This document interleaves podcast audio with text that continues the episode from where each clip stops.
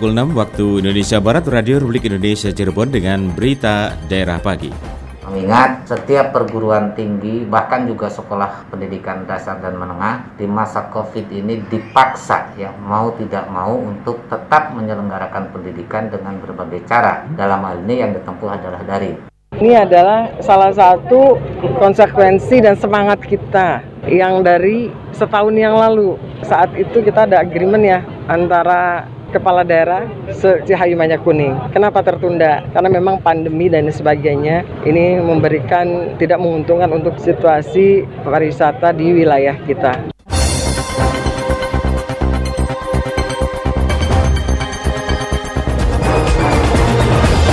Sebelum kami hantarkan keseluruhan rangkaian berita daerah pagi, kami hantarkan terlebih dahulu sari berita di antaranya.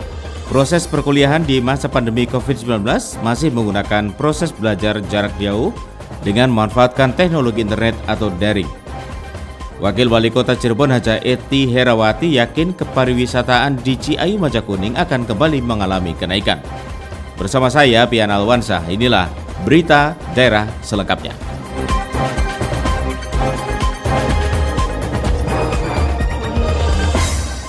Kami mulai informasi pertama, proses perkuliahan di masa pandemi COVID-19 masih menggunakan proses belajar jarak jauh dengan memanfaatkan teknologi internet atau daring.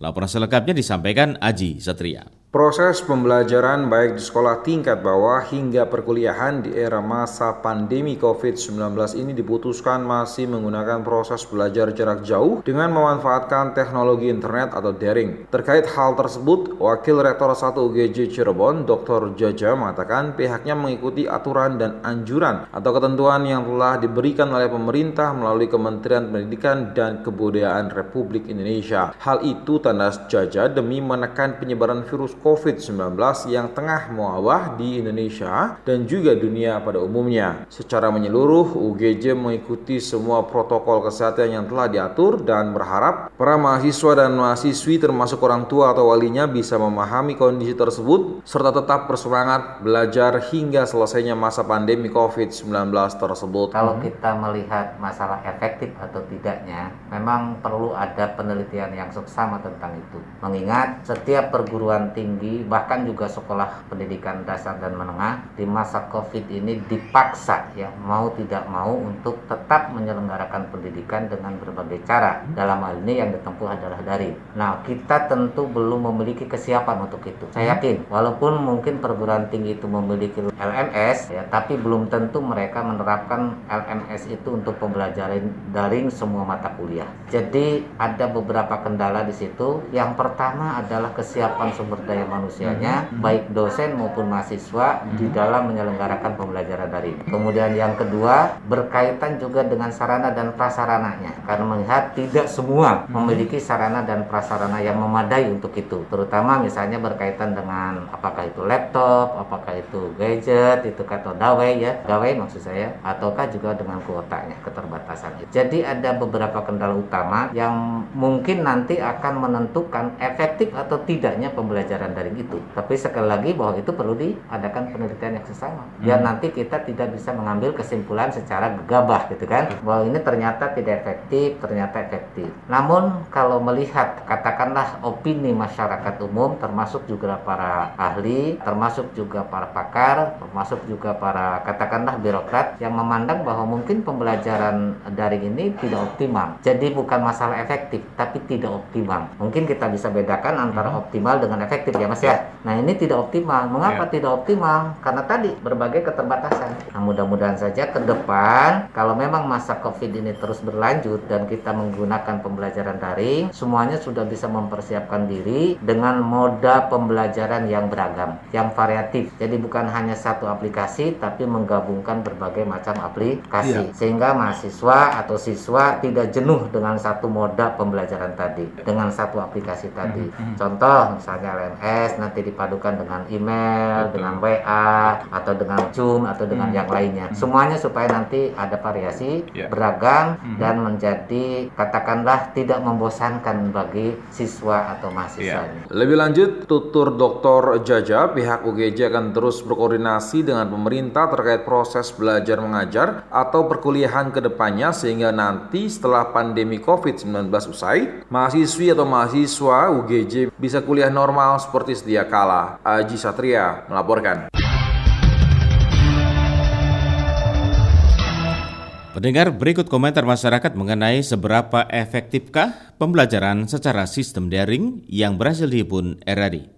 Menurut saya pembelajaran daring itu tidak efisien karena yang seharusnya kita bisa berinteraksi secara leluasa dengan pengajar sekarang jadi sangat terbatas kita juga jadi sangat sulit mengerti tentang apa materi yang diajar karena keterbatasan koneksi, keterbatasan memperhatikan dan lain sebagainya. Kalau ditanya lebih baik daring atau luring, saya jauh lebih milih luring. Untuk kelebihannya, para mahasiswa bisa mengikuti perkuliahan kapan pun dan di mana pun sesuai keinginan dan memiliki koneksi internet yang baik.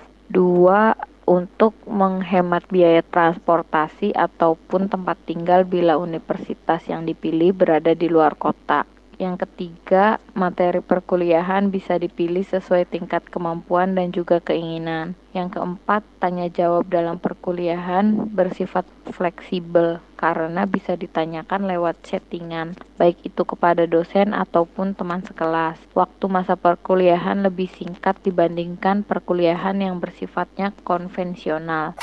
Pembelajaran daring itu menurut saya membosankan dan banyak tugas atau kurang jelas dalam dosen atau guru yang menerangkan. Dan menurut saya daring itu menggunakan kota yang mesti kita siapkan. Dan kalau khusus untuk saya, saya kurang kurang enak lah belajarnya tuh. Karena dosen juga bingung mau neranginnya.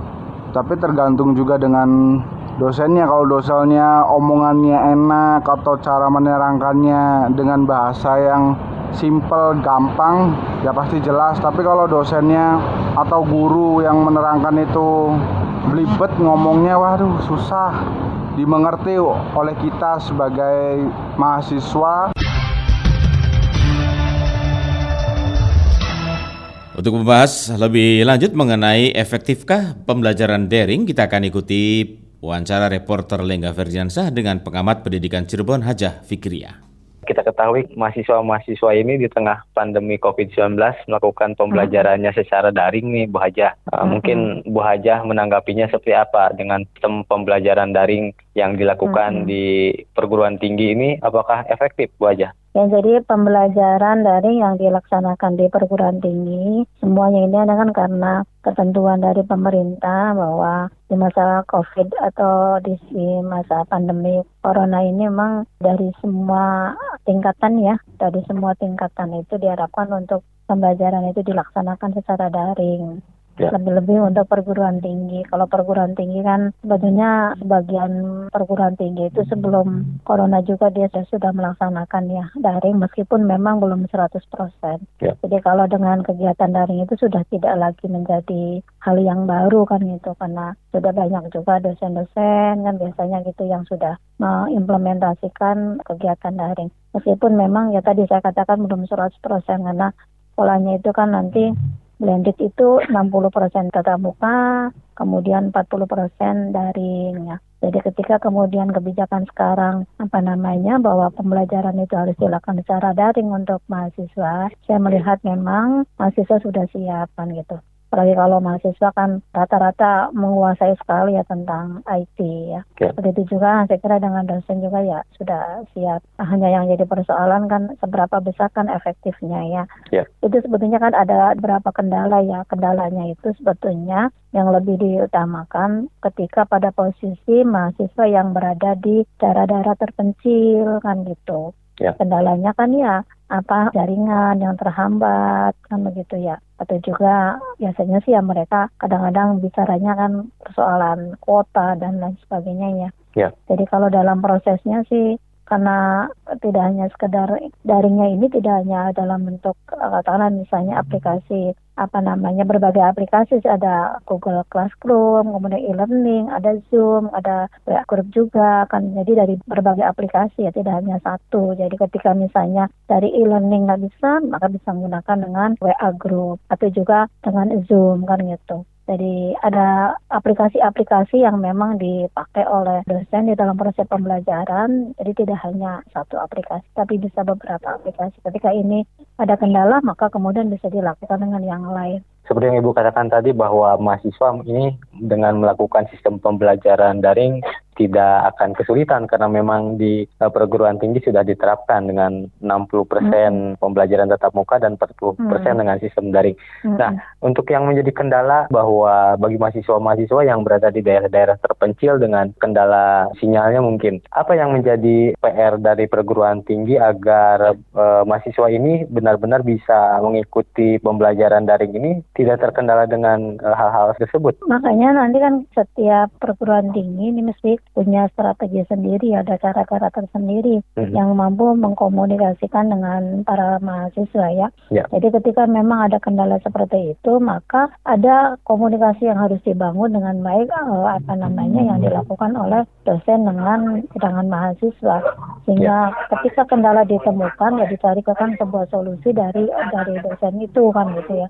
Yeah. Ketika misalnya pada proses dia tidak bisa melaksanakan kan pada proses pembelajaran dia tidak bisa melaksanakan biasanya itu mahasiswa kan nanti konfirmasi bahkan hmm. ada kalanya sampai datang kan begitu mengkonfirmasi karena kelemahannya adalah ya tadi persoalannya adalah dari maka nanti mahasiswa-mahasiswa yang seperti ini ya diberi diberi perlakuan khusus apakah ada tugas khusus atau juga yang ya. lainnya ya. ada pula yang terkadang kendalanya itu adalah yang mereka karena tidak semuanya kan mereka misalnya Androidnya lancar kan gitu loh ya. misalnya kadang-kadang pula kan HP-nya suka hang kan begitu ya Ya. Nah mereka terkadang ya apa namanya melaporkan ke dosennya, apa kadang kadang ada ke program studinya kan gitu. Nanti kita ngasih jalan keluar ya sudah sok komunikasikan dengan dengan dosennya sama nanti dikasih minta dikasih tugas seperti apa sehingga kewajiban-kewajibannya atau hak-haknya dia untuk pendapatan mendapatkan katakanlah uh, materi pembelajaran atau kewajibannya dia untuk melaksanakan tugas itu tetap jalan ketika kemudian dibangun komunikasi yang baik ya antara dosen dengan mahasiswanya masing-masing seperti itu.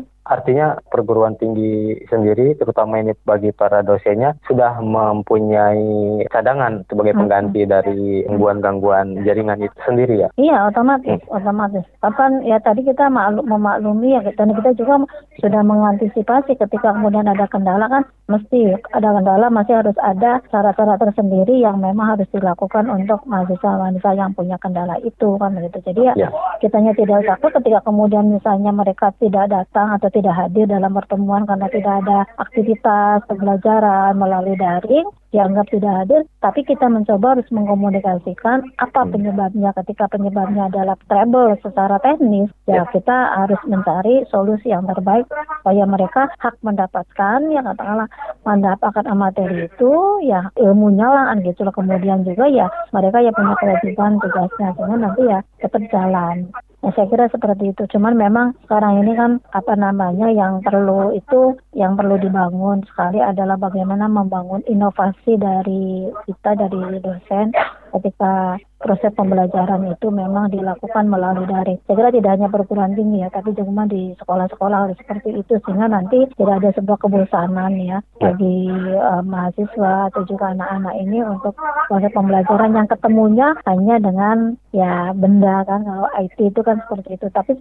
mereka juga sebetulnya mahasiswa juga terkadang merasa apa namanya kangen gitu dengan dosennya, ingin segera uh, berjalan normal seperti biasa. Ada rasa seperti seperti itu. Kadang juga nelpon abu bu kapan bu mulai? Kitanya sudah kangen udah pengen ketemu langsung dengan dosennya pengen tetap muka proses pembelajaran tetap muka seperti itu. Hanya karena memang kondisinya seperti ini mau tidak mau kita harus patuh apa yang sudah ditentukan oleh pemerintah ya kita sering kali kemudian ya komunikasi. Nah yang paling utama lagi nih ya karena ini kan tidak langsung sentuhan face to face kan antara dosen dengan dengan mahasiswa dengan kalau melalui proses daring. Ya. Maka memang ya yang paling menjadi persoalan itu adalah luaran dari mahasiswa terutama adalah membangun karakternya kan gitu. Ini yang menjadi tugas kita. Ya. Tugas berat kita tetap mereka belajar melalui daring tapi tetap karakter ini memang harus terbangun dengan baik kan gitu loh ya. Makanya kita ya itulah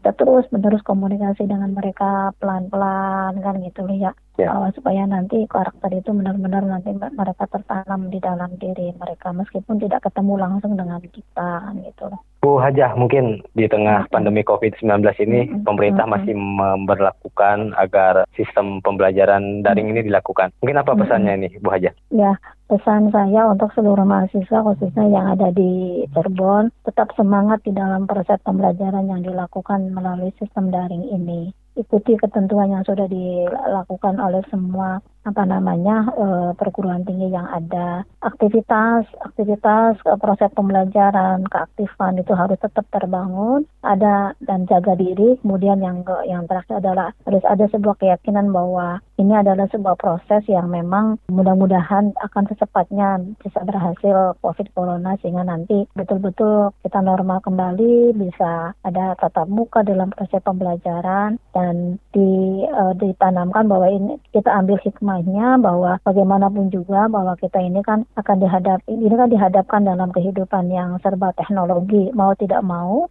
kita harus bisa beradaptasi dan kita siap bahwa ke depan itu ya otomatis pasti ini uh, apa namanya dalam hal apa pun memang teknologi adalah bagian dari kehidupan kita yang tidak bisa kita indahkan. Sehingga ketika proses ini kita sudah terbiasa dengan pembelajaran daring dengan kita sudah terbiasa maka kita akan terbiasa juga memanfaatkan teknologi ini untuk berbagai aspek kehidupan ya. Dalam bidang pendidikan, ekonomi, dan juga bidang-bidang yang lainnya sehingga ya globalisasi dengan luar biasa dengan teknologi yang luar biasa ya itu adalah tidak aneh bagi kita kan gitu. Justru kita manfaatkan bahwa dengan teknologi ini apa yang kita miliki pada diri kita kita bisa mengembangkan diri dan bisa dipublikasikan dan bisa diketahui sehingga nanti kita potensi kita akan bisa di, diketahui oleh orang banyak ya oleh publik dan kita bisa bermanfaat untuk untuk publik juga untuk ke depannya seperti itu. Topik utama mengenai seberapa efektifkah pembelajaran secara sistem daring dapat Anda ikuti dalam dialog pagi mulai pukul 8 sampai dengan pukul 9 waktu Indonesia Barat. Beralih ke berita lain, dua keluarga nelayan yang masuk ke dalam program asuransi keselamatan diri atau AKD untuk nelayan yang diinisiasi Cirebon Power dan Ditpol Airut Polda Jabar telah mendapatkan santunan dari program tersebut. Keduanya yakni almarhum Musa dan Catim, nelayan asal Cirebon, meninggal karena sakit dan keduanya telah masuk dalam program asuransi tersebut. Kepada sejumlah wartawan, Community Development Manager Cirebon Power, Hafid Dinto mengatakan kegiatan asuransi nelayan ini berawal dari keprihatinan setelah mengamati kondisi keselamatan nelayan yang kurang mendapat perhatian pemerintah. Hafid berharap agar masyarakat tidak melihat jumlah nominal dari santunan polis asuransinya, namun menerimanya sebagai bentuk apresiasi dan bantuan bagi para nelayan dan keluarganya. Sementara itu, perwakilan PT Jasa Raharja Cabang Cirebon, Rohimat menuturkan santunan asuransi kecelakaan diri atau AKD bagi nelayan ini bukan hanya diberikan bagi ahli waris yang meninggal atau cedera karena kecelakaan saat melaut saja, namun juga bisa dikarenakan sakit atau penyebab lainnya. Rohimat menyebutkan Sejak bekerjasama pada tahun 2011 lalu, peserta program asuransi nelayan ini sudah mencapai 21 ribu orang. Cakupan perlindungan asuransi tidak hanya meliputi kematian yang disebabkan saat bekerja maupun saat sakit, namun juga kepada peserta asuransinya cedera dan membutuhkan perawatan.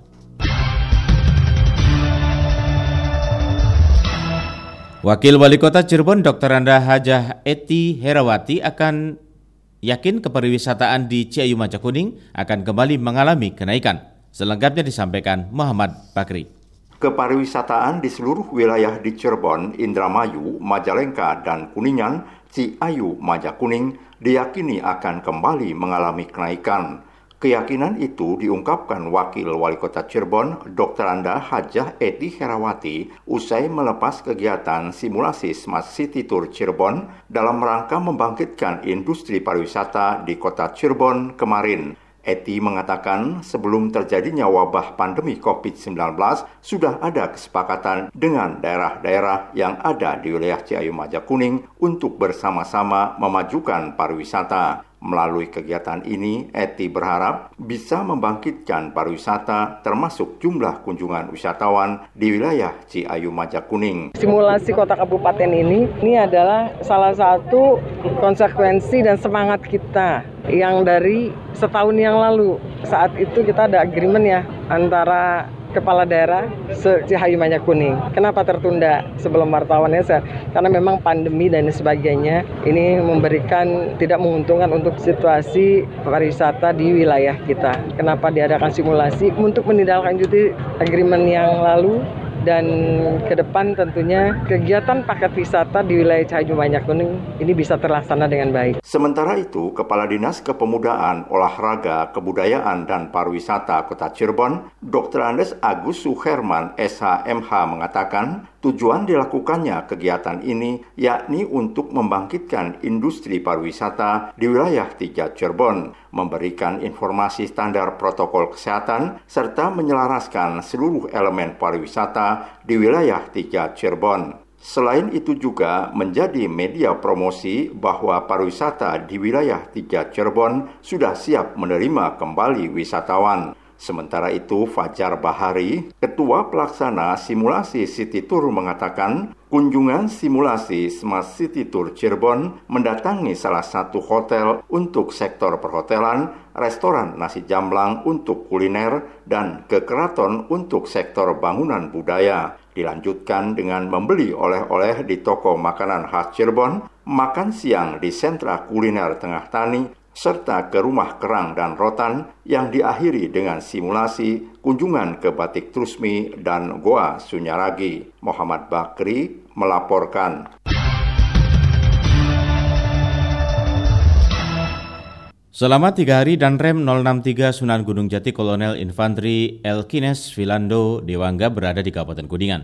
Dalam kunjungan kerjanya, sejumlah agenda dilakukan, mulai dari menanam sayuran hingga pengukuhan kecamatan Tangguh, bebas COVID-19. Selama berada di Kuningan dan Rem, Kolonel Elkines memuji kesejukan dan panorama alam yang dimiliki oleh Kuningan. Ia juga menyampaikan menanam sayuran jenis kubis di desa Windu Janten, Kecamatan Kadugede. Apalagi saat giat penanaman dan Rem memilih Kuningan sebagai pilot project program ketahanan pangan. Selain itu, dan Rem juga menebar benih ikan di Desa Sindang, Kecamatan Lebakwangi, dan Rem 063 Sunan Gunung Jati Kolonel Infanteri Elkinas Vilando Dewangga bersama Bupati Kuningan, Haji Acep Purnama juga memetik langsung buah tomat di lahan pertanian. Dan berharap dengan penanaman bibit sayuran di Kuningan bisa menjadikan Kuningan sebagai pilot proyek ketahanan pangan masyarakat bersama TNI. Dirinya melihat bahwa sebagian besar masyarakat Kuningan banyak yang berprofesi sebagai petani. Dan Rem juga melakukan pengukuhan terhadap salah satu kecamatan yang dianggap sukses dalam penanganan COVID-19.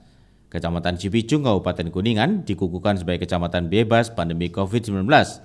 Pihaknya sangat bangga dengan adanya kecamatan Tangguh di Kabupaten Kuningan yang terbebas dari wabah virus corona. Dalam lawatan kerjanya selama tiga hari, dilakukan pengecekan gudang amunisi dan aset tanah TNI hingga ke lokasi bersejarah di Gedung Perundingan Linggar Jati, Kuningan.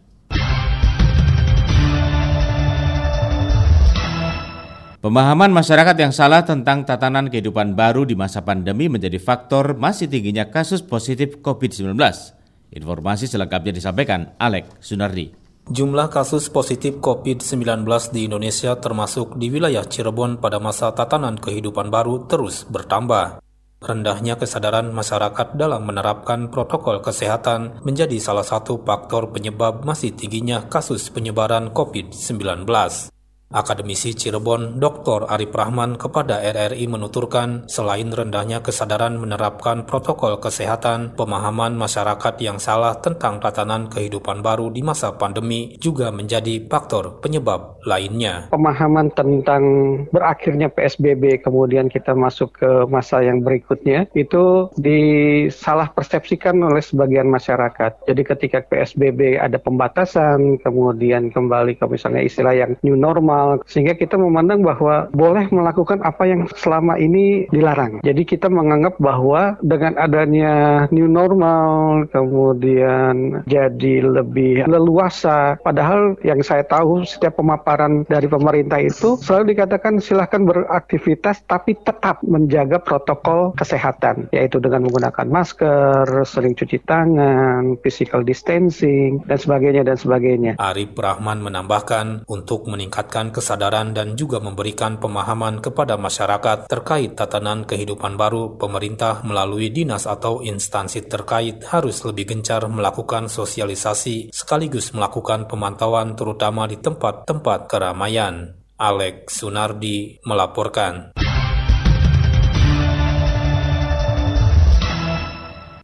Kini kita ikuti berita olahraga.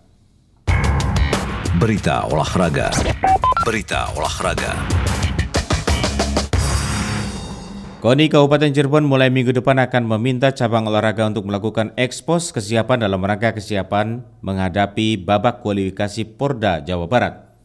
Sekretaris Umum KONI Kabupaten Cirebon Haji Arif Rahman Hakim kepada RRI mengatakan, ekspos cabang olahraga bertujuan untuk memetakan kekuatan di masing-masing cabang olahraga termasuk sampai sejauh mana kesiapan masing-masing cabur dalam menghadapi BK Purda. Dari ekspos tersebut nantinya akan ditindaklanjuti oleh bidang pembinaan dan prestasi sehingga akan didapatkan cabang-cabang olahraga yang akan diandalkan pada Porda Jawa Barat tahun 2022. Pada Porda Jawa Barat tahun 2022, KONI Kabupaten Cirebon menargetkan bisa menembus peringkat 10 besar sehingga persiapan yang maksimal harus dilakukan sejak dari sekarang.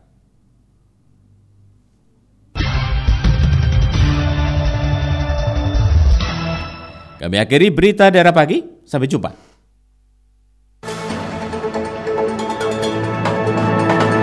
Demikian rangkaian berita aktual pagi ini dalam Buletin Berita Daerah Radio Republik Indonesia Cirebon.